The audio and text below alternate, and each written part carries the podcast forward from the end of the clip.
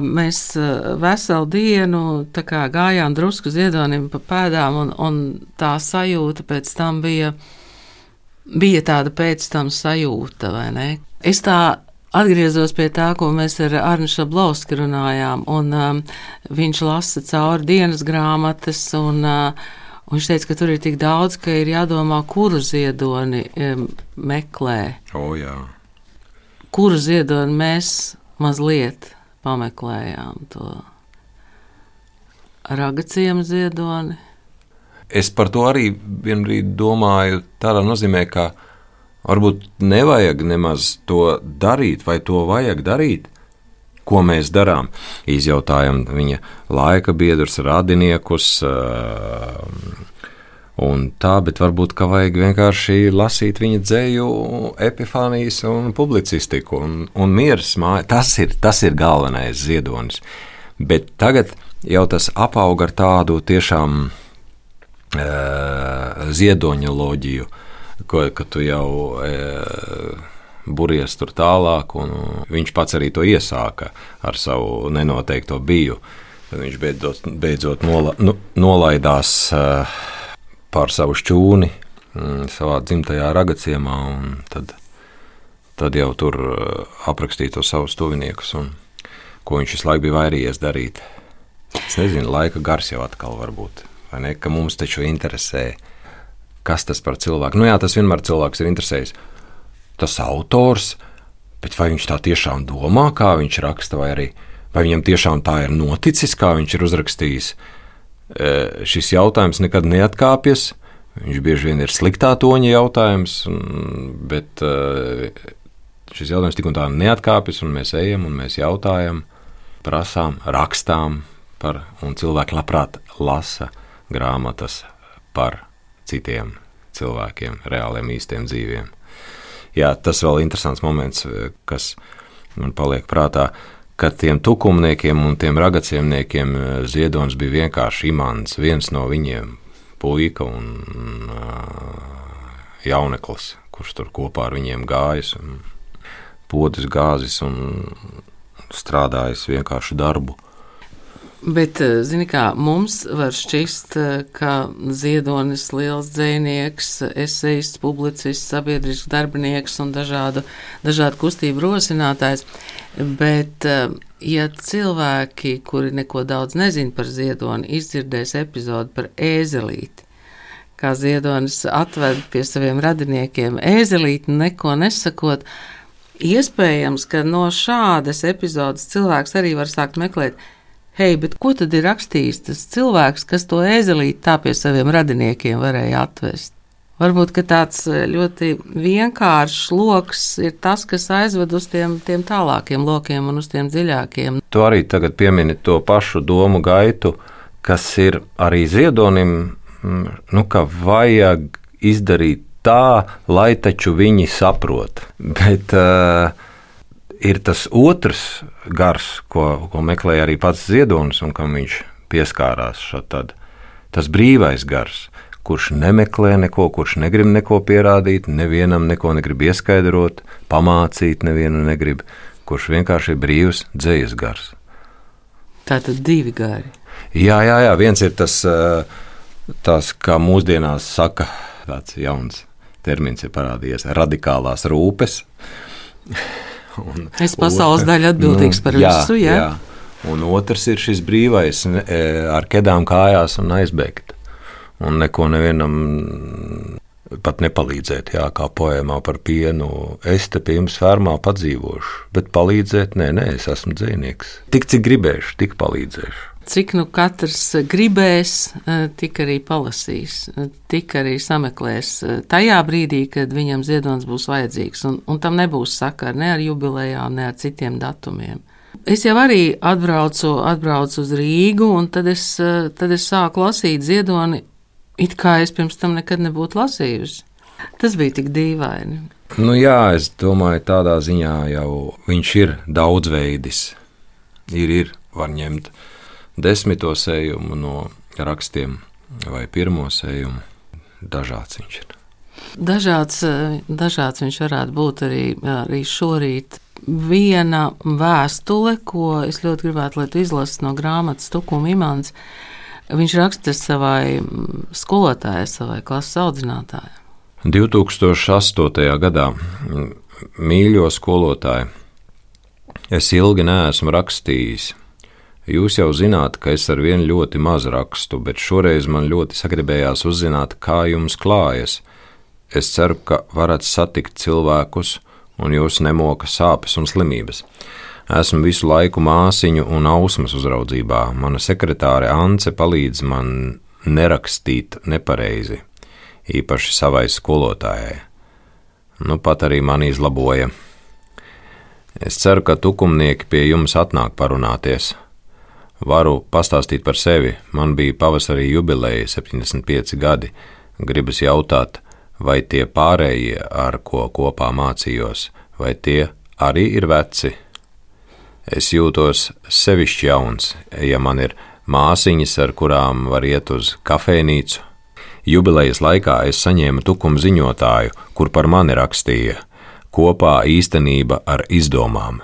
Žurnālists mani laikam pazīst, jo es pats arī tā rakstu, ka nevar saprast, kur sākas un kur beidzas patiesība.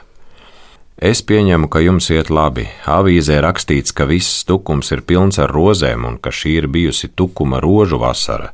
Es nepaspēju, es gribēju, lai tukumā būtu ķirši un tikai ķirši, bet kāds pasteidzās. Visticamāk, kāds žurnālists. Otrais veikt, ko līdzīgi nav jēgas.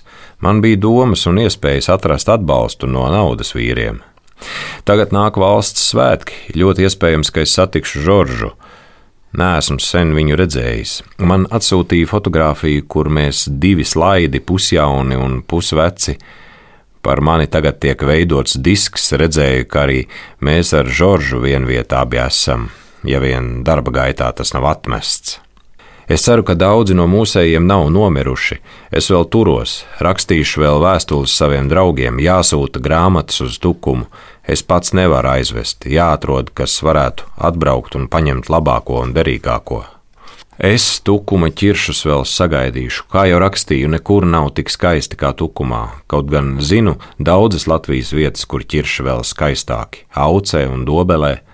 Valsts svētkos atskaņos Paula dziesmu ar manu tekstu, dziedās paukštēlo, bērziņš un pārējie zēni.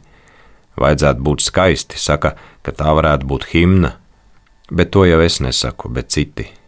Olga Lisovska raksta par mūsu abu mācību laiku Maskavā un vēl drīz iznāks grāmata Latvija man. Meitenes vien raksta, nav neviena vīra.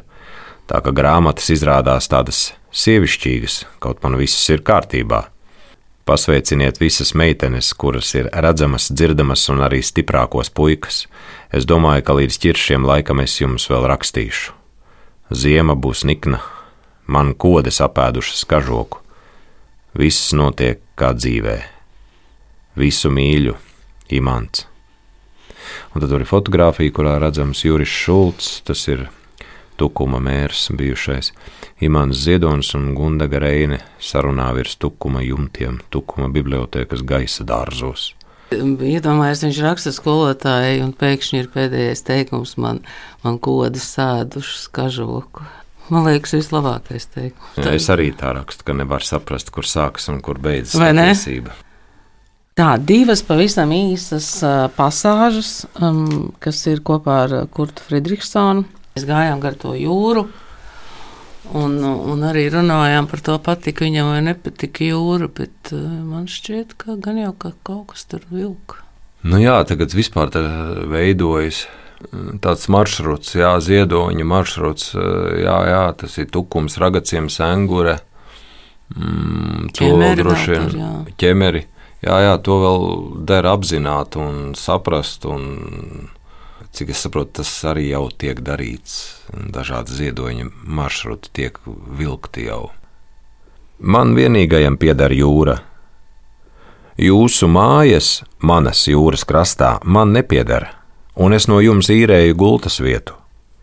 Bet jūra pieder man vienīgajam, bez kustībām, lībiešu motīvs septiņi tēvi sanākuši deviņu jūras malā un žauj simt tīklu. septiņi vabas met ēnas pa deviņi saulē, un deviņi vējā šūpojas mana vienīgā vectēva, deviņi senā dvēsele. Citādi viss ir klusu, un neviens nav atrodams.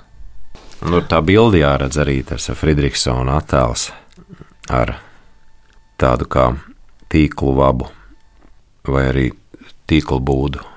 Nezinu, kā viņi toreiz abi tās pasāžas ir radījuši. Zini, es domāju, tur bija tas laiks, kad jau vērās, vērās vaļā dažādas nu, robežas, tajā skaitā arī mākslinieckās. Nu, Lībiešu krasts jau vispār. Tā ir aizliegtā zona. Tur nevar Nu, piebraukt. Vēl joprojām, vai ne? Tur ar caurlaidēm jābrauc. Ir. No tā nevar arī tikt, tikt vaļā eh, no tā laika kontekstam. Kas uh, mūsdienās liekas vienkāršs tekstiņš, tas tajos laikos bija uh, atļaušanās liela. Mm. Var arī teikt, neatļaušanās, bet tāds sveiciens visiem, kuri saprot, par ko ir runa. Tad divas trioletes, jo man tā trioleta grāmata arī šķita varbūt eh, mazāk cilāta.